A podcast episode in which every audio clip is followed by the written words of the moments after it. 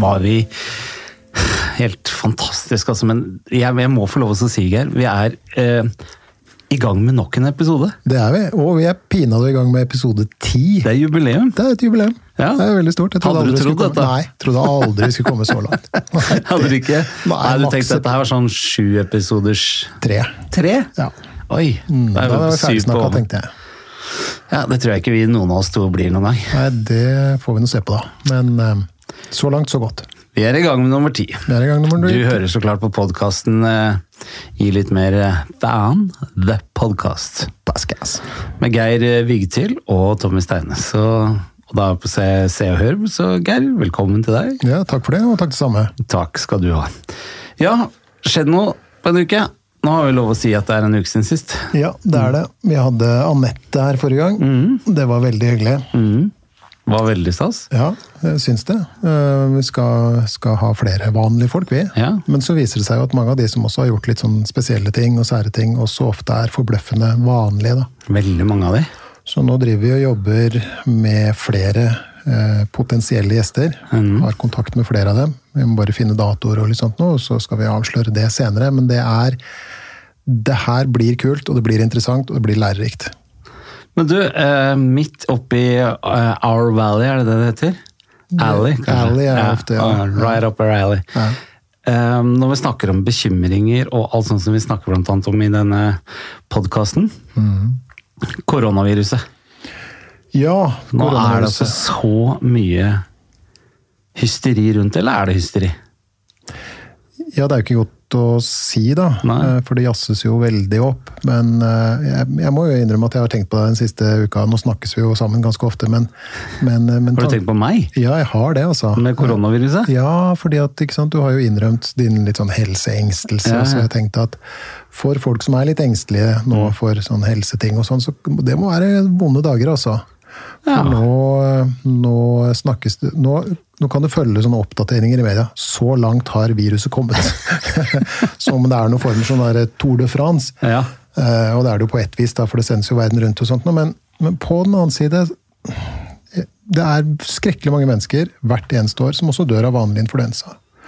Eh, sånn at eh, jeg er ikke sånn supersikker Jeg har ikke begynt å hamstre vann og ammunisjon ennå, altså. Det har jeg ikke. Nei, for sånn skal jeg tro at jeg skal overraske deg litt, for jeg bekymrer meg ikke for sånne ting i det hele tatt. Nei. Jeg nekta å ta det derre svineflue-influensaviruset og det hysterien der sånn. Eh, var den eneste i familien faktisk som ikke tok det, og alle i familien ble dårlige, ikke jeg. Så, det er liksom, så akkurat sånne ting så er jeg faktisk veldig Men derimot tenker jeg at det her må jo være på din bane. Som ikke kan gå ett eneste skritt uten at du skal vaske hendene dine i sprit.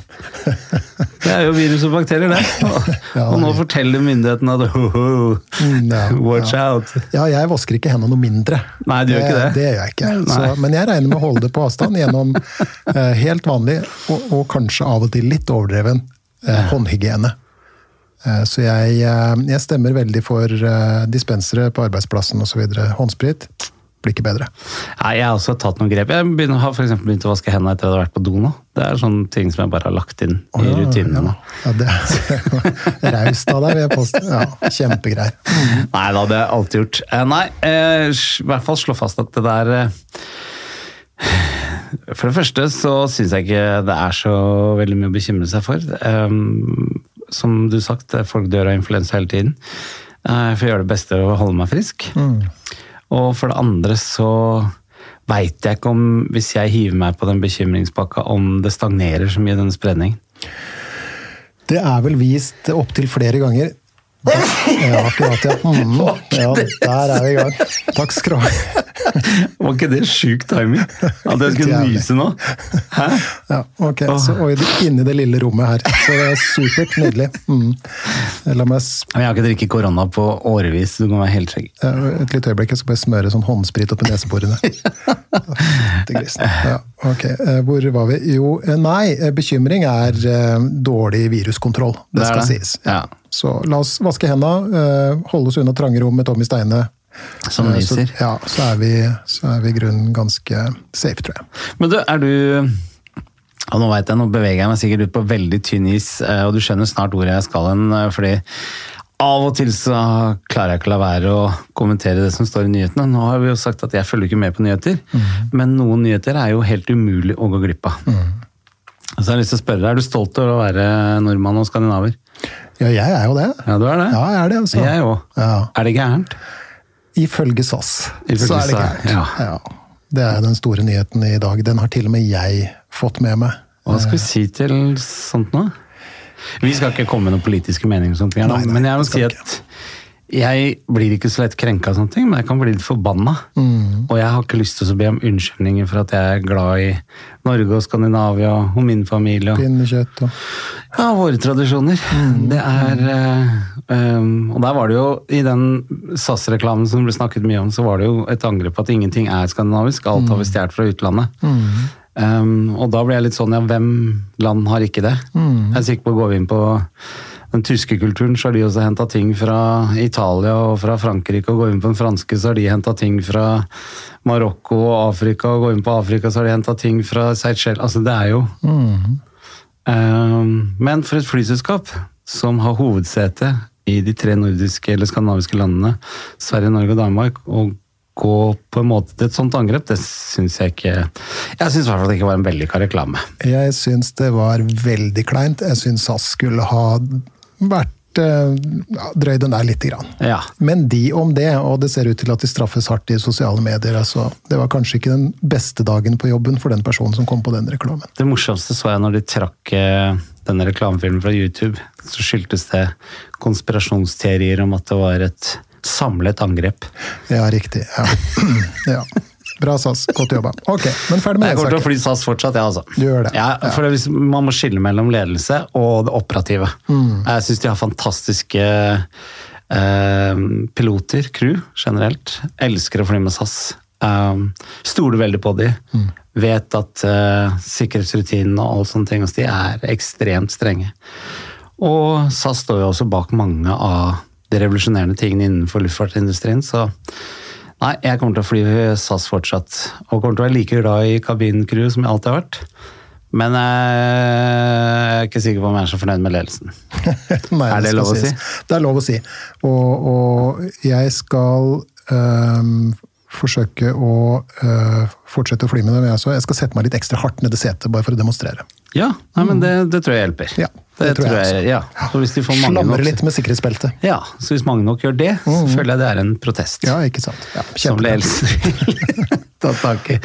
Men du, vi har jo eh, også Nå begynner det å bli veldig gøy, Geir. For det begynner også å komme inn ganske mange Nå skal jeg prøve ikke å si brev, men mail. Eh, og ikke minst meldinger på Facebook og Insta. Og det er litt gøy. Eh, har du noen du har lyst til å lese opp før vi går i gang med dagens tema? Em, mm, ikke sånn, jeg hadde jo ikke tenkt det sånn i utgangspunktet, men jeg, jeg tenkte faktisk på det i bilen på vei inn eh, hit. Eh, for det var en, eh, en person eh, som, eh, som skrev inn, eh, og det var i ja, det var i forgårs, det. Som, som er, var, liksom, er fornøyd med podkasten. Og det er veldig, som sagt, det er veldig mye hyggelige folk. Da. Det er veldig mye hyggelige folk der ute. Ja. Men denne personen lærte meg noe. Okay. Uh, og det syns jeg alltid er kult. Eh, fordi at vedkommende eh, skrev at Husker du det eksempelet med den der togkontrolløren og Oslo S og Ja, sånn? ja, ja. Ikke sant? ja. Du har jo den i boka altså. Ja, ja. ja. Og, og, og det er jo et godt eksempel på hva som skjer når man blir litt for opptatt av å regulere tankene sine, og så går alt i stå etter hvert. Og denne personen skrev inn og sa at eh, eksempelet med den der togkontrolløren det var et perfekt eksempel på hvordan det er å leve med ADHD.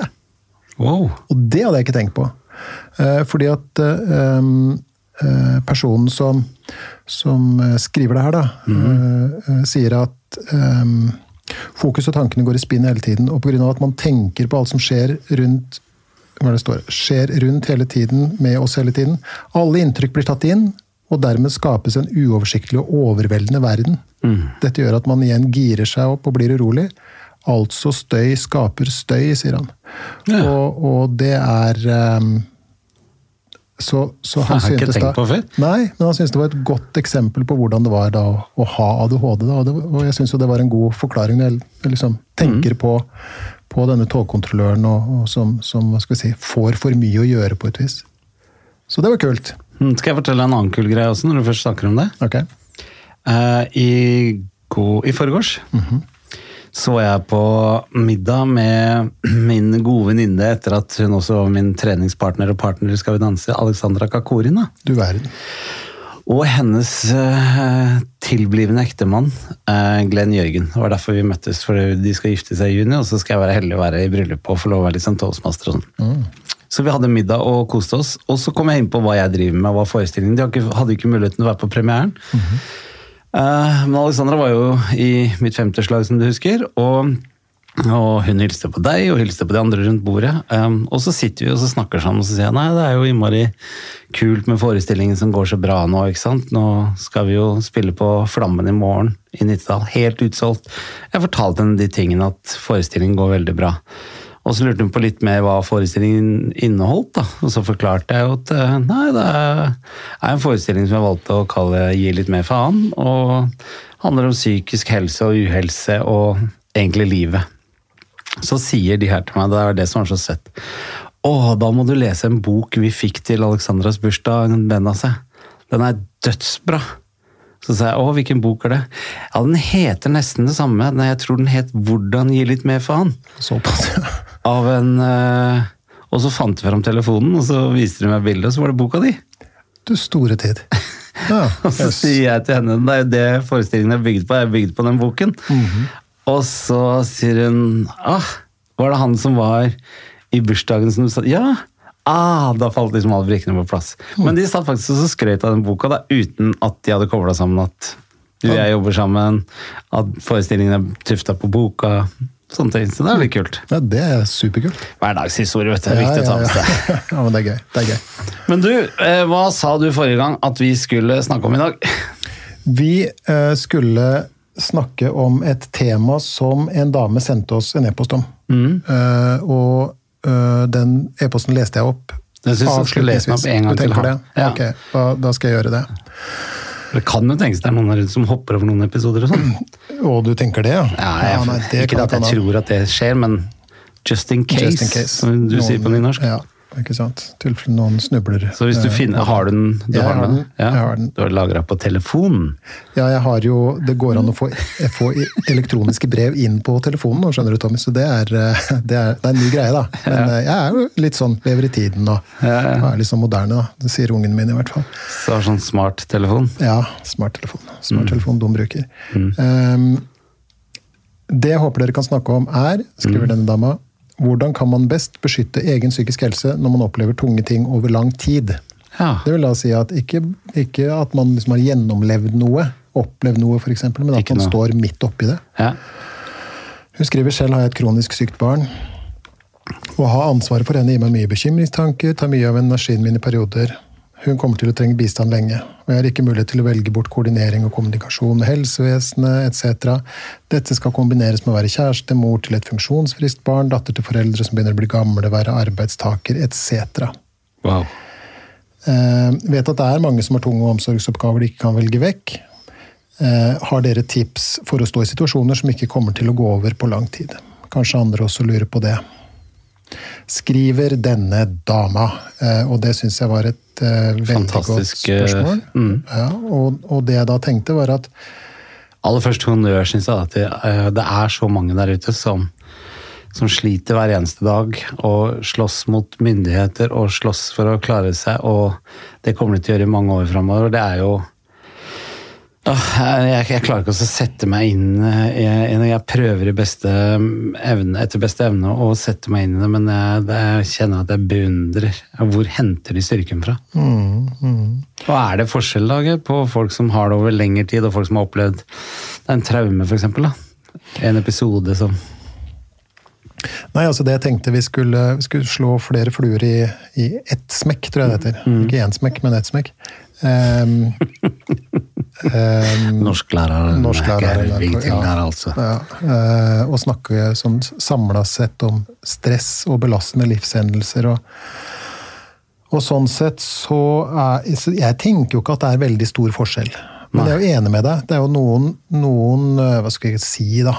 Det er, det er jo vanskelig å si det her uten å, å være generaliserende, men, men det synes å være ganske klart at noen får jo mer enn andre også i dette livet. Det vil si noen Uten tvil. Ja, men, men de fleste får jo sitt før eller seinere, Mm. Er- sånn er det. Ehm, men men eh, folk står i mye greier uti der. Det er mye sterke folk. Ja, men folk er sterke. Ja, det er det jeg tenker. ja. Vi er hardføre, og det er jo no, det er noen som, som sier at vi vet ikke hvor sterke vi er Nei. før vi står oppi det. Nei. Og det har vi jo snakka litt om tidligere også. Det har vi. Det her med forskjellen på bekymring og det å stå i reelle situasjoner. Mm. Fordi at bekymringa kan nesten ja, Hva skal vi si, da? Kan vel være like tappende. Men det fører jo ikke til noe. Mm. Nei. ikke sant? Mens når du står oppi noe og må forholde deg til realiteter og virkelighet, så, så øh, drar du fram krefter du ikke trodde du hadde. Eskimoene, tror jeg. Jeg vet ikke om det er sant. Jeg, jeg tror det, for jeg har hørt det så mange ganger. Men det kan igjen da være en eller annen sånn myte, da. Men, men visstnok så skal det være eskimoene som har et, et ordtak som er noe i retning av, Tommy. ja. Ehm, når du Når du har gått når du har gått så langt du absolutt er i stand til å gå, så har du gått nøyaktig halvparten av det du faktisk er i stand til. Ja. Og det er det jo mange som beskriver når de havner i vanskelige situasjoner. Enten det er permanente eller det er eh, hva skal vi si, akutte vanskelige situasjoner. da. Så, så de mer permanente er jo det som denne dama beskriver i sin eh, e-post med et kronisk sykt barn, f.eks., eller, eller sykdom i familien generelt. Egen sykdom, ikke sant? Eller, eller mennesker som opplever mer sånn akutte kriser, samlivsbrudd og, og ja, barn med, med skolevegring i en periode, f.eks., dødsfall i familien, alle disse tingene. Det som er, det som er livet. Da, ikke sant? Og, og vi er barske, og det er jo det som slår meg i min jobb også, Ja. hvor, hvor tøffe folk er. Og hva folk tåler. ja. Og hva folk tåler.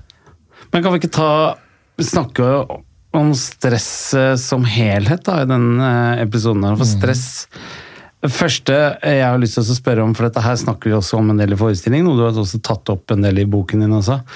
Um, men er vi utsatt for mer stress i dag enn vi var for 50 år siden? Jeg tror det er forskjellige typer, eller altså forskjellig karakter. Ja. Så det, det var vel Vi har snakka om dette her i flere episoder også. Jo, jo, men, men eh, som en, en slags repetisjon, altså, så, så kan man jo tenke at det var relativt um, stressende å ikke ha nok poteter i kjelleren når vinteren satte inn, og relativt stressende å, å, å føde åtte barn og se tre av dem vokse opp osv. ikke sant.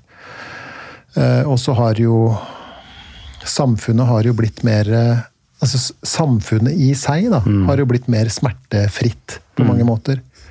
Eh, av fremskrittene i teknologi og bostandard og hygiene og medisinske framskritt. Eh, men, men vi har andre stressfaktorer igjen. Blant annet det samfunnet vi lever i. da. Så det er en annen type stress? Det det det Ja, jeg tenker jo det. Ja. Oppløsning av kjernefamilien. Ja. Eh, Man har ikke tilgang på generasjonene på den samme måten som man kanskje hadde før. Vi, vi eh, Mye mer opptatt av penger? mer opptatt av penger, som du har snakka om tidligere også. Masse mer inntrykk, ikke sant. Masse informasjon og sosiale medier. Eh, fremmedgjørende bomiljø kan man jo ikke sant? Bo i betong og stål TV og glass. radio 24-7, det er jo Det aldri også, stille. Ikke sant? Så det er mange stress Jeg tenker at de har endra karakter, men jeg, men jeg tror nok at det er samme greia. Tror jeg. Annen type stress, men, men, eh, men vi blir fortsatt utsatt for stress, og det har vi gjort i alle årtier. Ja, vi har blitt utsatt for det. Men det er jo litt eh, det her med ytre presset. Eh, som blir tredd nedover trynet på oss hvert eneste dag. Nå snakka vi akkurat om koronaviruset og denne SAS-reklamen og sånne ting. er jo bare eksempler på ting som blir dytta. Altså, jeg syns det er artig å lese her. eh, Dette har du også med i boken, men en professor ved navn Daniel Levetin ved McGill University. Han har jo regnet ut at vi blir utsatt for så mye ytre påvirkninger hver dag.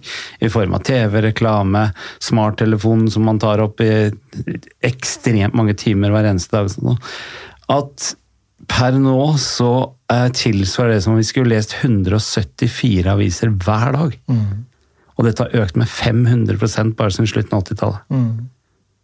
Så det er den, den ytre stressfaktoren, som, som jo er i en mye større grad enn før. Og så er det jo som du riktig påpeker, at vi er jo, vi er jo tryggere, vi er mindre syke, vi lever lenger eh, enn det var for, for eh, mange år tilbake. Men har vi endra noe måten å takle stress på? Jeg vil bare kommentere noe først. Ja. Um, dette med informasjonsmengde, Ja. det ble det jo klaga på skal vi se, allerede i ja, siste halvdel av 1800-tallet.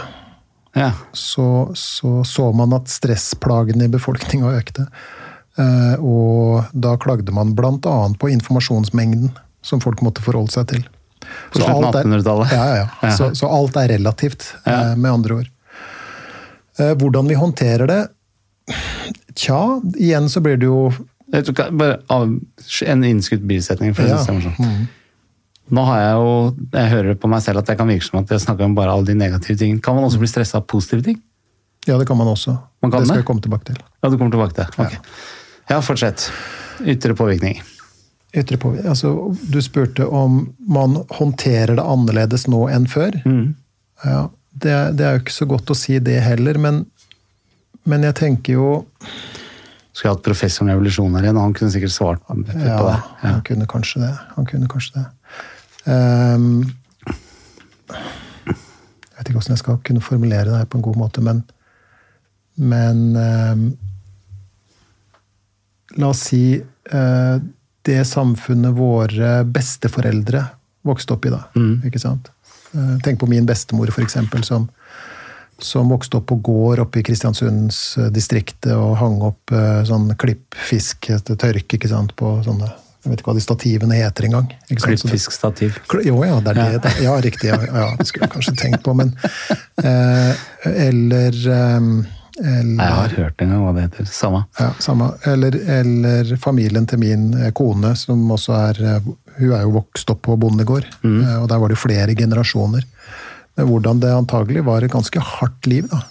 Men på den annen side så hadde de også innlagte pauser, ikke sant. Altså duggers, og det ikke sant? Det ringte ding, ding, nå skal vi spise middag, og så spiste de store, feite måltider, og så sov de gjerne, ikke sant. Og før de gikk ut og jobba videre, da. Ja.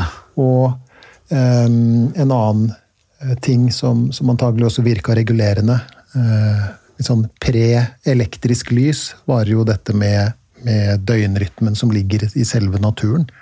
Og som ligger nedfelt i oss også. Eh, hvor, hvor soloppgang og solnedgang antagelig var med og regulerte mye av aktiviteten. For når det var for mørkt å jobbe, hva skulle du gjøre da? Ja, da krøyt du opp i loppekassa, ikke bokstavelig talt. og og leste noen vers fra salmeboka, kanskje. og Til slutt så blåste du ut dette den rimelig kostbare parafinlampa eller stearinlyset, og så la du deg til å sove. ikke sant? Eh, og nå, er vi jo, nå har vi jo et samfunn som er 24-7. Du kan stikke ned på en fullstendig opplyst bensinstasjon og kjøpe deg en pizza og gå hjem og spise midt på natta. Ikke sant? Sånn holder vi på. Og alt er jo åpent. Internett er jo alltid åpent. ja. Ikke sant? Og, og, og som du sier sjøl, TV og radio og podkaster og bla, bla, bla. Ikke sant? Vi, så når er det vi får pausene våre? Pausene ja. Og det er jo noe av det vi skal snakke litt om i dag. da. For det er noen tips og triks der ute òg. Vi kan jo la oss rive med av alt, og, og la oss nærmest oversvømme. Men vi, vi kan ta noen grep sjøl òg. Så Ja, Nei, så det er Vi det er Grunnen til at jeg spør, er for jeg syns liksom at det virker som vi er mer stressa. ja, mange sier i hvert fall at de er mer stressa. Ja, de sier det kanskje. Ja. Mm, en, Og så kan man jo kanskje prøve da, et par års tid å, å skulle eh, høste inn og passe på at veden er i hus. og jeg vet ikke, Det er ganske stressende, det og sikkert. ja, og nå vet jeg at eh, Når jeg tenker meg om nå, så snakker jeg litt mot meg sjøl også. fordi at Hvis du hadde tatt meg for fem år siden, så er jeg mye mer stressa da enn det jeg er nå. Ok, hvordan da? Nei, fordi at eh, jeg har jo da ved å eh, endre på en del ting med mitt eget liv, fått færre ting som stresser og presser meg. Eh, så jeg aktivt har gått inn for å velge bort, ja, som vi sa innledningsvis, da, nyheter f.eks. Uh, og også andre faktorer i, i livet mitt som jeg har tatt liksom et oppgjør med. Som gjør at jeg eh, Hva er det heter? Det er færre triggerpunkter, er det går det an å si det? Ja, altså, det er færre ting jeg lar meg stresse og presse av. Mm. For jeg har valgt å ikke ha noe forhold til det. Ja, da er jo, da er jo nøkkelbegrepet valg, Ja. tenker jeg. Og, og jeg hører jo folk som hva skal vi si, eh, begråter det faktum at de er stressa, da. Mm. Og så har de direktørjobb, to feite biler, hytte på Geilo, seilbåt, hytte på Tjøme. Ikke sant? Så, og, og det er jo noen livsvalg. Mm. Og de kommer med en pris. Alle livsvalg kommer med en pris. Alle valg kommer med en pris. Punktum. Eh, Men men, eh, og hvis man tenker at det er verdt å betale den prisen, ja vel, så får man gjøre det, da. Eh, Men mange oppdager jo at det ikke er det. Ja. Det er ikke verdt det. Fordi at det koster tid, du blir stressa, det koster relasjoner ofte. eh, Og, da, og hvis man da fortsetter å ta de samme valgene, så får man fortsette å betale den samme prisen. Men da høres det ut som om du har tatt noen valg der. Ja. Jeg har tatt det samme valget. Jeg har ikke noe, jeg har ikke noe ambisjoner i retning av noe sånn karriere eller noe som helst. Jeg er jo på mitt eh, mest fornøyde hvis jeg kan sitte i sofaen sammen med kona mi og, og ta et glass rødvin og, og Ost og kjeks. ost og kjeks, ikke sant? eller et eller annet sånt som det er. Det syns jeg det er fine greier. Eller ta med en sånn middagshvil på, på ettermiddagen. Det er fine greier. Jeg begynner å bli en gammel mann, og det er, det er jeg veldig fornøyd med. En vanlig gammel mann. Jeg helt vanlig gammel mann. Ja. Jeg har vel sagt jeg vet ikke om jeg har sagt det før, men Dalai Lama sa jo det så fint, for han ble spurt om hva han er mest forundret over moderne mennesker i dag. Ok. Og Dalai Lama skal man ikke kimse av, syns jeg. Han virker av og til til å være en veldig klok mann. Ja, det er det. Han er veldig opptatt av å reparere klokker. Ja. Visste du det? Er han det? Ja, ja, ja. Han, det er noe av det beste han vet. Ta fram et sånt, enten et armbåndsur eller sånn, sånn mekanisk ur. Ja. Pelle det fra hverandre og sette det sammen. Det er en lise for sjelen, sier Dalai Lama. Ja, det er et tips. sikkert. Man sier også det at det han er mest forundret over, er at vi ofrer helsen for å tjene enda mer penger. Og så bruker vi en formue av pengene for å få bedre helse. Ja, det er jo noe med Ganske paradoksalt. Ja, Ja. som du også, Det er jo noe i den gata der sånn. Men du spurte da eh, i stad om, eh, det, om man kan bli stressa av det vi har, kaller positive ting også. Og der er det en litt sånn kul greie, fordi at eh, det er noe som heter eh, Social Readjustment Scale. altså På norsk så kalles det registreringsskala for livsbelastninger. og Den er ganske kul, for at hvis man ser på den, så altså det er et hva skal vi si da? Det er en, det er en måte å eh, tallgi eh, Tallgi fenomener som stresser oss. Så at du kommer fram til en eller annen sum som sier noe om hvor utsatt du kan være for, for um, stressrelaterte lidelser på sikt, hvis du fortsetter som nå. Eller noe i den der. Eh, og, og, og her er det, og gudene veit hvordan de har regna ut, jeg aner ikke jeg. Men, eh, men eh, den skalaen finnes i hvert fall. Og helt øverst på den skalaen så troner ektefelles eller, eller partners dødsfall. Ja. Og det, er, det gir liksom en høy poengsum. Og det er jo ikke så rart. Ikke Nei, det kan blir man jo. se for seg er ganske belastende. ja. I hvert fall hvis man har sånn noenlunde greit ekteskap, da. Ja. Noen kan jo kanskje, jeg vet ikke. Men, men eh, for de fleste så vil man score ganske høyt der. Og, og på en god nummer to så kommer et nært familiemedlems eh, dødsfall. Og så følger det på da med sykdom hos deg sjøl eller hos nære familiemedlemmer. Eh, at lån går til inkasso, skilsmisse, samlivsbrudd. At du blir utsatt for kriminelle handlinger, at du opplever utroskap. Det er også ting som, som scorer eh, veldig høyt. Men eh, et lite stykke ned på Ja, ja, nå kan jo onde tunger kanskje si mye, eller hva man vil om det her, da, men, men eh, det første som de fleste i hvert fall synes er relativt eh, positivt, er giftermål. ja. Det er på plass 28. Er det det? Det er ganske stressende, ikke sant? Det å gifte seg. Ja, det er det å gifte seg og det å bli gift. Ja. Og, hvis, og så Og det er likt for både menn og kvinner? Ja da, det her er, er unisex. Er det det? Ja, ja. Eh, Men greia er at eh, det scorer høyt på skalaen, da. Det skulle, hva man blir stressa av? av hva man blir stressa av, eller Ja. hva som utløser stress. Vet ikke om du har sett på Bridezilla-dokumentarene på Har du ikke det? Det er helt grusomt. I say yes to the dress, og så, det er masse damer som stresser og styrer, så stresser de med mannfolka sine. Du ser for mye på TLC. Ja, TLC. Ja, The Learning Channel. Ja. Ehm, eh, Men du må fortelle meg når du snakker om det, HPA-aksen, hva er det for noe? Du er veldig kjapp, for jeg er ikke ferdig ennå. jeg. Jeg ja, jeg tror, er det ikke det innenfor det samme? Det var det jeg lurte på. Nei, nei, nei. nei, nei, nei, nei, nei, nei. Ok. Jo eller jo, nei eller nei. Okay. Fordi at det her er litt andre begreper. Men, okay, men, men uh, hør nå. Du skal nå. til et poeng, du, med denne jeg, lista di. jeg skal nemlig til et poeng. Ja, få høre. Så hør nå. Det å um, uh, få en større pengepremie, f.eks., Mm. kommer også sånn relativt høyt på lista. Det skjønner jeg. Ja, ja hvorfor skjønner du det? Eller Ja, hvordan skjønner du det? jeg, tror ikke, jeg tror ikke det er noe Jeg tror ikke det er bare luksus å vinne masse penger. Ja. Du skal endre livet ditt, eh, eller så skal du jobbe hardt for at livet ikke skal endre seg, og så er det masse igler der som plutselig skal ha kontakt med deg. Så det er jo svært sjelden jeg hører om folk som har vunnet veldig mye penger i Lotto, sånn, som har fått et bedre liv. Mm, mm, Eller tvert godt- imot. Godt poeng. Ja. Godt poeng. Nederst på den stresskalaen, Mm. Det som stresser oss minst. ja, av det som stresser oss mest, da. Ja. Ikke sant? Det, det som stresser oss minst av alt det som stresser oss mest. Ja. Det er juleferie.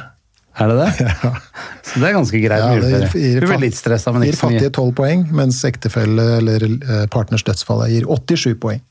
Ja. Så vet du det. Men vil det si at med en gang du kommer ned på null, så er det ikke stress lenger?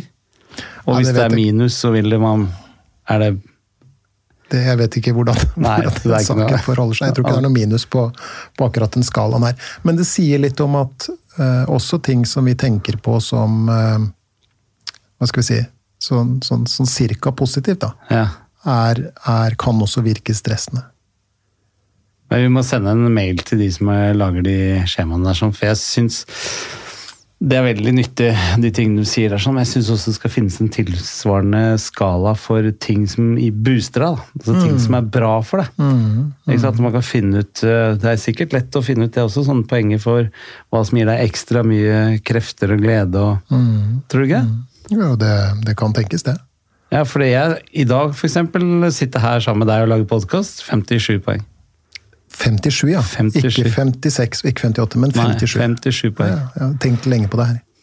Nei, men min skala går jo til 100, da. Ja, riktig. Ok. Så jeg har jo av og til trodde kanskje vi skulle score litt høyere. Synes vi Nei, 57 er ganske høyt, altså. Det er det, ja. Ja. ja. Hva er det som ligger høyest på din skala sånn sett, da? Det vil ikke Linda at jeg skal snakke om her. Nei, riktig. Ok. nei, nei, nei, ok, men da lar vi det Nei, men jeg tror eh, eh, det som gir meg mest krefter, tror jeg, En alt god avføring, er det det du tenker på? Nei, nei, jeg er så gammel er jeg ikke blitt ennå. Det er å sitte sammen med mine barn og deres partnere, spise fantastisk god mat og spille brettspill, og ingen av oss ser på klokka, ingen av oss har mobilen framme. og sånne ting. Er, jeg tror ikke det er noe som gir meg så mye påfyll som det. eh, naturopplevelser kommer høyt opp. Oppleve å gjøre ting fysisk i naturen eh, kommer veldig høyt opp. Så jeg har lyst til å lage et- Kunne ikke vi lage et sånt skjema? Du kan Hvordan- jo se litt på det når du har en ledig stund. Ja, så til neste år en gang. Tommys eh, life adjustment scale, et eller annet. Kan Det hende en selger som hakka møkk, du vet aldri. Nei, Nei, så det det er eh, Ja, for det er sikkert basert på intervju med veldig mange mennesker, dette her, sånn, og så drar de ut snitt av det. det er nok Ikke det. Ja. Det er nok det. Yes. Da kan du svare meg på HPA-aksen aksen din. Ja, for du ser at det står i notatene mine. Ja. Ja, ja. Jeg lurte på den jeg kom inn her i stad, for jeg har aldri hørt om det. Hva er det for noe? Vi har snakka om det før. Det er enkelt forklart stressystemet i kroppen. Ok. Ja, så det er, eh, det er samspillet mellom, eh, mellom hjernen og, og hormonsystemet. Okay. Når vi blir stressa og, og, og det skjer ting i, i sånne sentra av hjernen, og sånn, så, så, så skilles det ut eh, stresshormon i kroppen. Og det har vi jo snakka om tidligere, det har jo med dette fight or flight, kamp eller flukt-systemet å gjøre. Og det er jo veldig lurt å ha, ikke sant? Faktisk så er det jo også sånn da at altså Når vi snakker om stress, så må vi nesten definere stress, og det er, og det er, det er ekstremt vanskelig. Man blir Ja, jo knapt enig om hva det er for noe. fordi at Spørsmålet er hva er det for noe? Er det, er det den subjektive opplevelsen?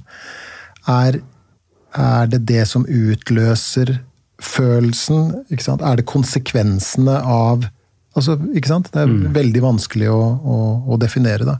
Men, men eh, hvis du ser på skal vi si, sånne eh, leksikon og sånt noe, så er, er definisjonen på det at, at stress er, er en påkjenning eller belastning.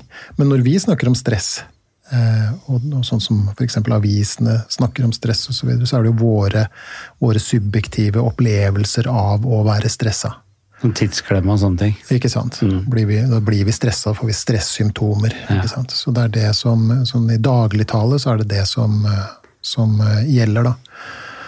Eh, og Nei, jeg er ikke stressa hvis jeg ikke kjenner det på kroppen. Nei. Nei, det er jo en subjektiv opplevelse. Det er jo det.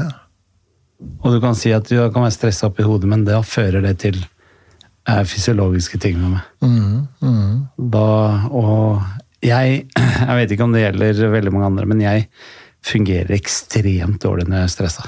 Sier du det? Ja. Ja, jeg er ikke flink til å være stressa. Nei. Du, ja? Nei, jeg, det kommer an på. Det er liksom graderinga. Og det var litt det jeg skulle fram til også. Da, dette med at det finnes jo noen gode sider ved stress også.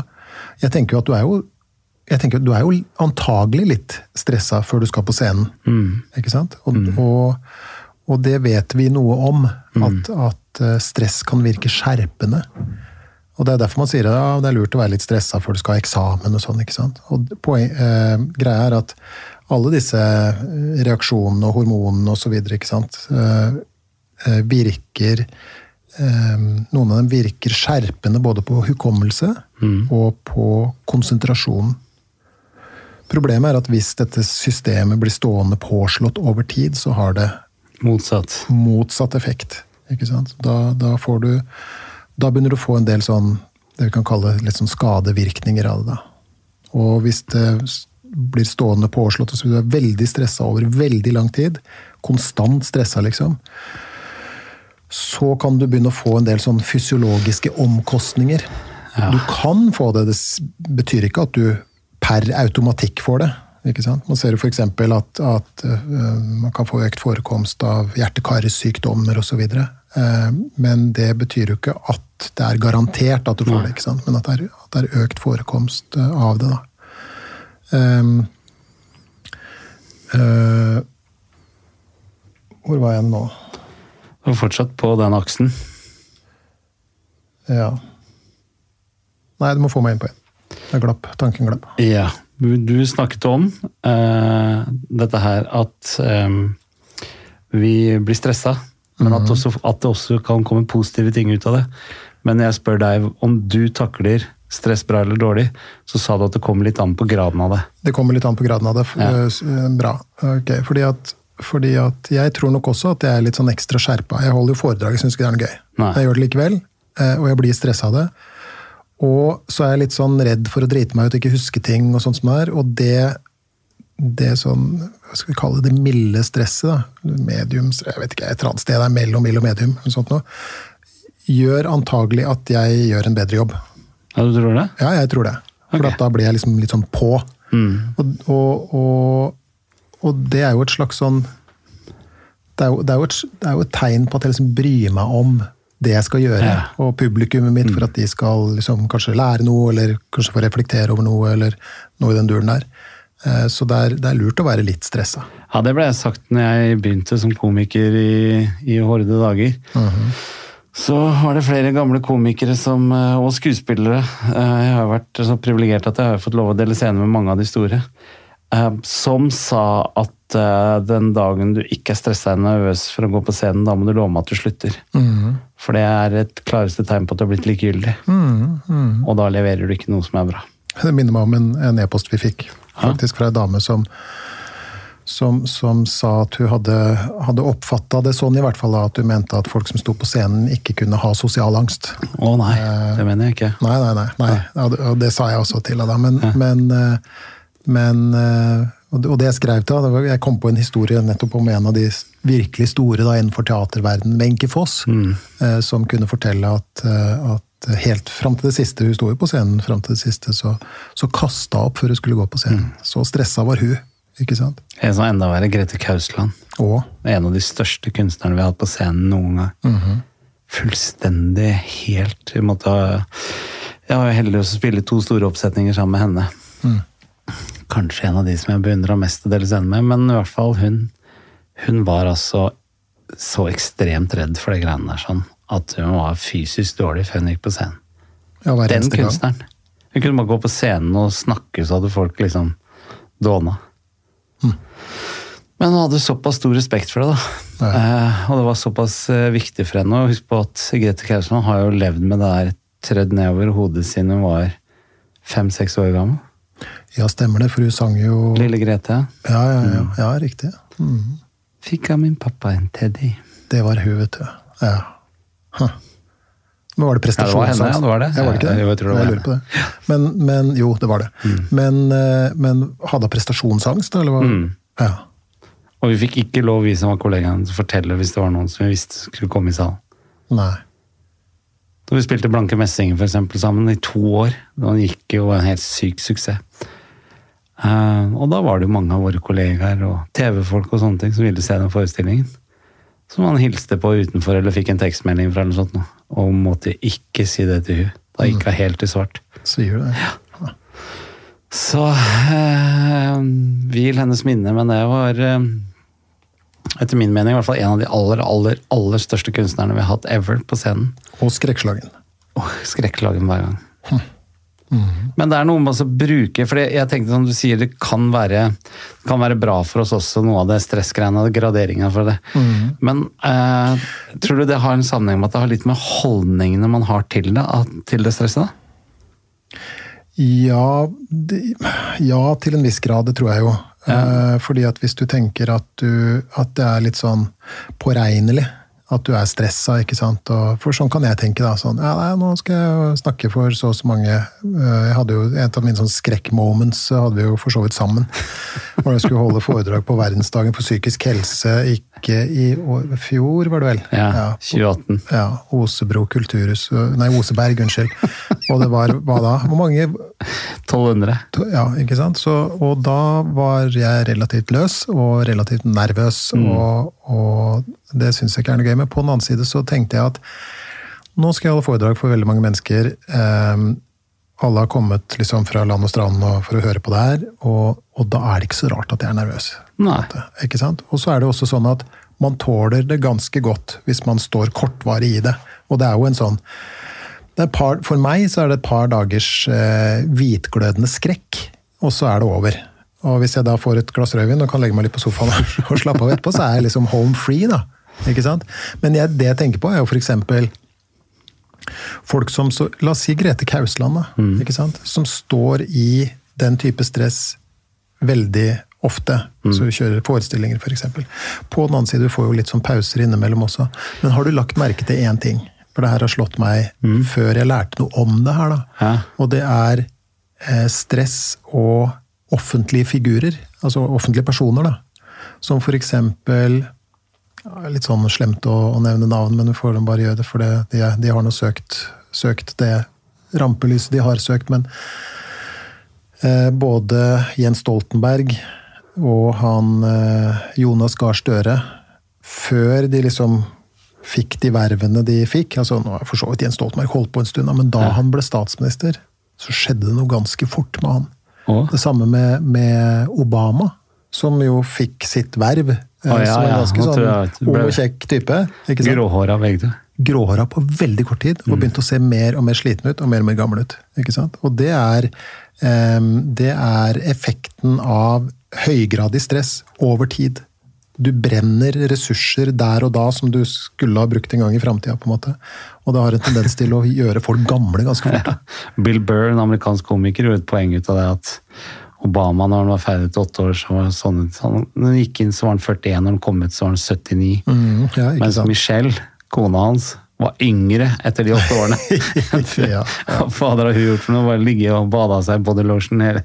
Mm. Fantastisk uh, tolkning av Bill Burr. Uh, men ja.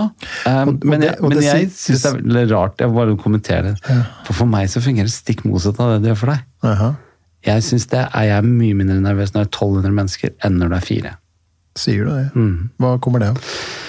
Erfaring, tror jeg. At det er lettere å alltid få noen på lag, da, i anførselstegn, som, eh, som digger og som liker det du gjør, eh, jo flere det er å velge mellom. Mm. Mens jeg har jo hatt x antall opptredener innpå små rom foran fire-fem mennesker, og det er altså så jævlig, hvis det er lov å si det på mm. Radio. Ja. Jeg er ikke på radio. Jeg holdt på å si det.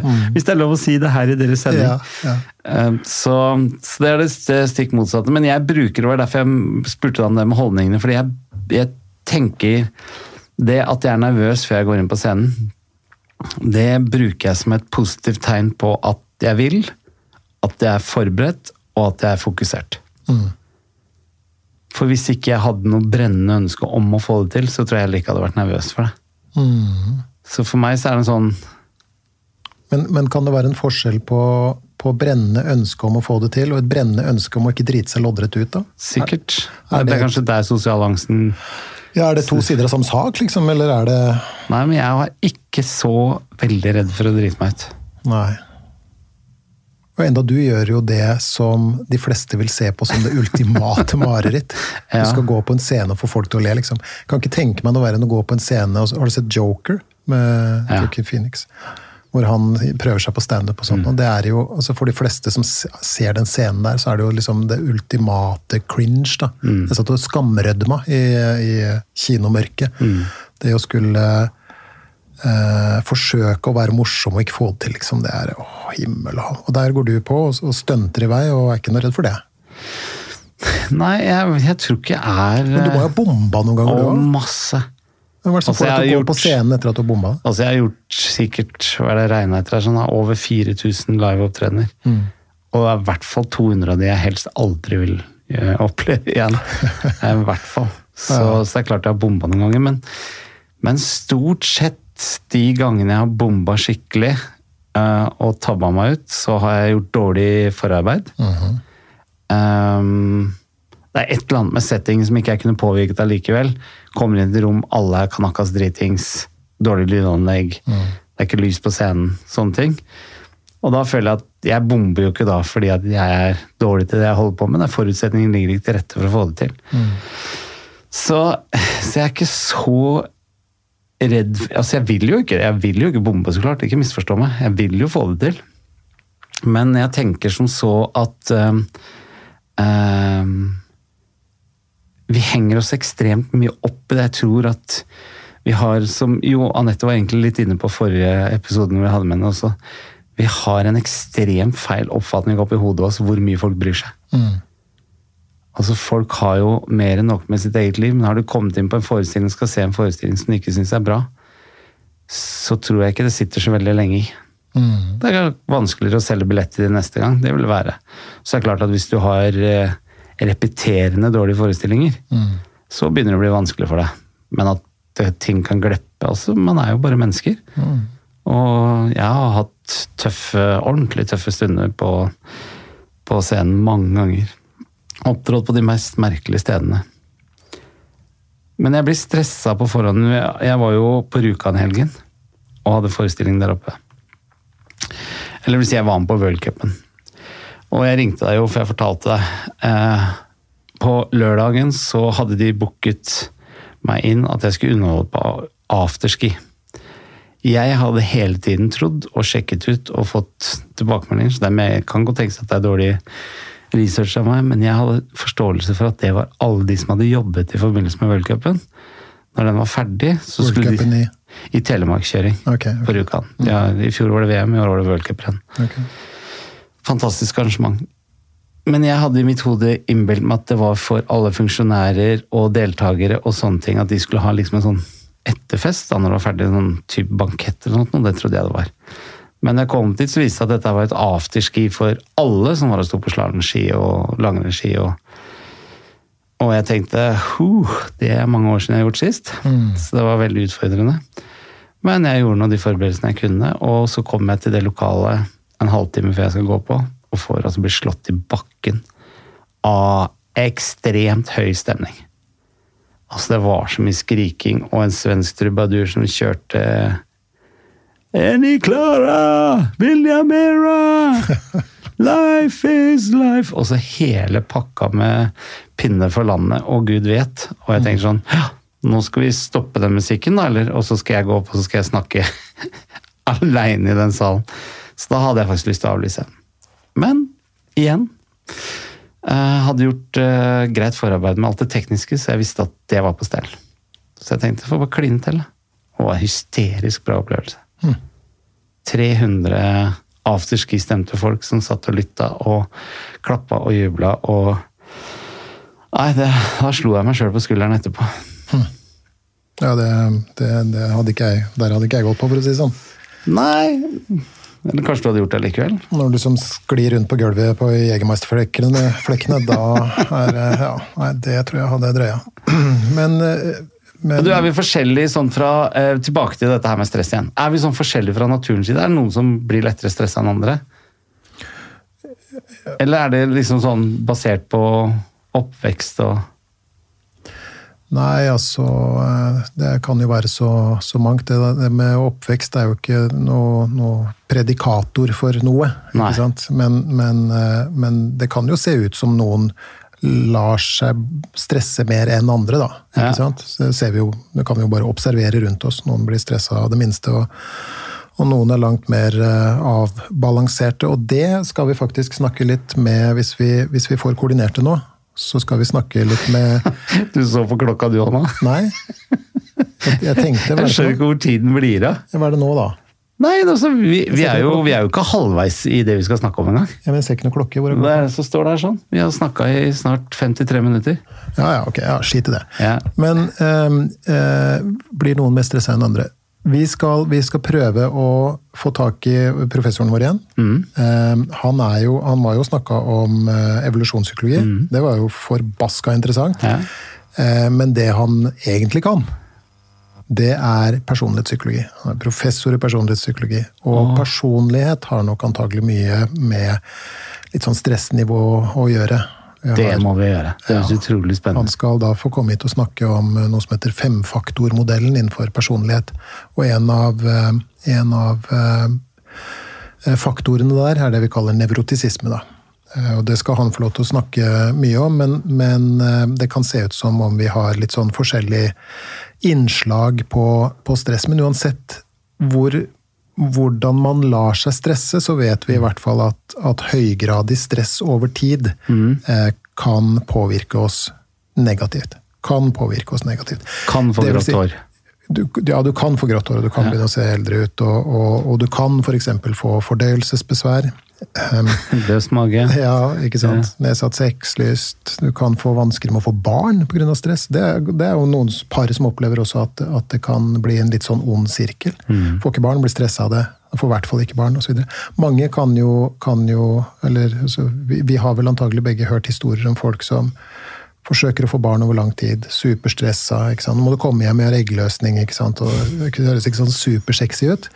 Eh, og så gir man opp, og så går man gjennom en stressende adopsjonsprosess. ikke sant? Og så slapper man endelig av, og så blir hun gravid. Ja. Ikke sant? Så der er det jo også, også noe for, og, og, og, og, forklaringa her er at når organismen er under stort stress, så er det en del funksjoner som, for å si det enkelt, da, nedprioriteres.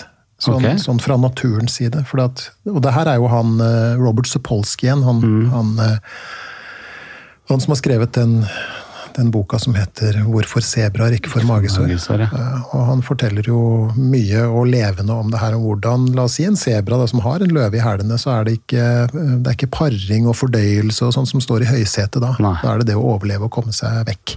Ikke sant? Og når våre Som sagt, vi er jo det eneste vesenet som antagelig kan tenke på stress også. Og når vi er blitt veldig gode på det, når vi har øvd skikkelig mye For det her er et ekstremt godt poeng innenfor det som har med psykologien vår å gjøre. Da. Det du øver på, det blir du flink til. Så at hvis du øver på å bekymre deg, f.eks., ja, så blir du pissflink til det. da. Ja. Og, og, og det bidrar til at et systemet blir, blir stående påslått øh, over tid. Og da, da kan vi oppleve at, at en del av disse sånn plagene som vi kan oppleve fra tid til annen når vi er stressa, som f.eks. jeg som blir litt laus i magen og beklager at jeg snakker så mye om det, men, men det er Gudsens sanning. Eh, det kan bli mer permanente, ikke sant? Kan, kan oppleve å få eh, Å ja, skadene vedvarer, liksom. ja, eller at plagene Ja, vedvarer. plagene da, ikke vedvarer. Blir litt sånn kronifiserte, som vi, som vi eh, kaller det. Fint ord. Veldig fint ord. Eh, og så vet vi f.eks. at at svære belastninger i barnealder. Med fysisk og psykisk mishandling over lang tid osv. Faktisk kan gi dvergvekst hos barn. Ok. Alle som har lest sånn Det står faktisk i boka til Sopolsky det er også et bilde av barn som, som har eh, Det hemmer veksten. Det hemmer veksten av rent stress, liksom. Kompliserte mekanismer, selvfølgelig. da. Uh, stressindusert dvergvekst um, kalles det. Uh, vevsreparasjoner, f.eks., går saktere. Hvis du, du får lettere infeksjoner. En sånn, eh, et sånt artig eksperiment i så måte, og litt sånn eh, eh, Hva skal vi kalle det? Litt sånn eh, guddommelig gjengjeldelse, på et vis. da, var at de fikk tak i tannlegestudenter som skulle gjøre det eksperimentet her. Og det de gjorde, var at de fikk tak i studenter, og så ga de dem et De skar ut en liten bit oppi ganen, den harde delen av ganen. Skar ut en liten vevsbit der, og så, og så tok de tida. Sjekka hvor lang tid det tok før det her grodde. Dette såret da oppi ganen. Og så venta de til tannlegestudentene skulle ha eksamen. Så at de var hyperstressa. Kanskje avgjørende eksamen, siste eksamen før du er ferdig tannlege. ikke sant? Mm. Så ga de dem det samme snittet. da, Tok ut den samme lille vevsbiten, og så tok de tida på nytt. Nå tok det mye lengre tid før det grodde. Og det er for, på grunn av stressnivået. da. Fordi at når du har en løve i hælene, f.eks., så prioriteres ikke det å få ting til å gro. Nei. Det skal først skje etterpå, når du ligger og slikker dine sår og forhåpentligvis har overlevd. ikke sant? Så det er eh, mange, mange Men man har jo hørt masse eksempler, jeg har jo opplevd det selv også. Det, hvis man har en arbeidsperiode som er utrolig stressfull, og det er høyt arbeidspress, og du skal rekke over mye, og sånn i disse dager nå, jeg tenker på regnskapsmedarbeidere og revisorer og sånne ting, de jobber jo 24-7 om dagen nå. Um, men når den perioden er over, og man endelig skal slappe av, så kan man bli sjuk. Mm.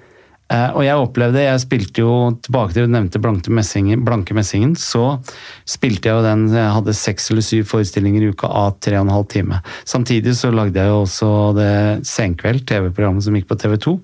Og jeg gjorde, for å være ekstra smart, standup-forestillinger som var leid inn til firmaer i tillegg til det. Sånn at jeg hadde den, eh, de to høstene der, sånn, fra august til jula, så jobba jeg altså Jeg var knapt nok hjemme. Um, og så husker jeg i den ene perioden der sånn, når det begynte å nærme seg eh, Vi var kommet ut i desember, så uh, fikk jeg en skikkelig Jeg kjørte kneet mitt opp i ene kulissen på scenen. Så jeg fikk et uh, ordentlig sånn skrelle av liksom alt på undersiden av, av kneet. Um, og vanligvis så får du skorpe samme kveld, eller så våkner du opp neste dag og sånne ting. Men her sånn, det ville liksom ikke helt gro. Og de første dagene så tenkte jeg ikke noe mer over det. Jeg hadde jo bare plaster og skifta plaster. Tenkte det var rart at jeg aldri Men når det hadde gått en uke, og jeg fremdeles ikke det såret hadde som jeg følte, altså Det blødde jo ikke hele tida, men det grodde ikke heller. Da Da ble jeg litt stressa og redd. Så da gikk jeg jo til, til lege. Og tok masse forskjellige prøver. Den, den samme legen som du fløyte da du hadde hjerte... Ah, nei, det her var en anlegg. det. Var Teatret hadde egne medisinsapparat. Egne teaterleger? Ja, eller i hvert fall samarbeida med Volvat på Majorstua, sånn, så vi Ah, ok. brukte det. Mm. En digresjon der, altså. Ja, ja. Eh, men da fortalte de meg at immunforsvaret mitt var så å si fraværende. Og det var fordi jeg hadde jobba og stressa så fælt overalt. Så ble jeg ferdig uka etter og hadde juleferie, og da hadde jeg, da hadde jeg ikke takka ja til noen jobber. Så da hadde jeg fri fra sånn var 15.-16. desember til 10. januar eller noe sånt, før vi skulle begynne med nye forestillinger, nye opptak. Eh, og etter at jeg hadde vært hjemme og slappa av For det første så fikk jeg jo kjempeinfluensa dagen etter, så klart. Men etter tre-fire dager da, så såret begynte å gro, influensaen forsvant. Og jeg hadde fått sovet nok, eh, jeg hadde fått spist riktig. Jobba på teatret rett etter TV-studio, så var det å hive seg en sushi eller et eller annet på veien og sånne ting, og rekke. Og to av dagene i uken spilte vi doble forestillinger, du skulle, hadde du en halvtime imellom, du skulle få i deg noe mat. Det var jo ikke sunn, god mat du hiver i deg da. Så det var Ja, helt hva er burger og ja, det var burger og sushi og det var fast food all the time. Så, eh, så det at eh, det påvirker kroppen, det har jeg fått kjenne virkelig. Og det er det jo veldig mange som sier også Mm. akkurat det samme. Men du, eh, jeg, jeg ser jo at det er masse mer notater du har, og det er flere ting jeg har lyst til å spørre om med stress. Og skulle vi gjort en sånn avtale som vi gjorde med den, eh, den episoden vi hadde om, om metakognitiv terapi, mm. at nå er det, det er såpass mye mer vi har igjen, og vi har jo eh, begynner å nærme oss en time nå. Skulle vi laget en del to? La oss gjøre det. Kan vi ikke gjøre det? så blir den her ualminnelig lang. Ja, La oss lufte ut litt, så begynner det å bli Lufte ganske litt, ja. nå. Og så lager vi en, en del to også. Det er mange mer ting jeg har lyst til å snakke om. Altså. Ja, ja, bra, bra Ja. men da gjør vi det. Ja, men Da gjør vi det. Da sier vi tusen takk. Ikke for i dag. Vi sier bare tusen takk for del én. Mm. Og så Så ses vi om ti minutter. ses vi om ti minutter, og du hører oss om en uke. Takk for i dag. Takk for det.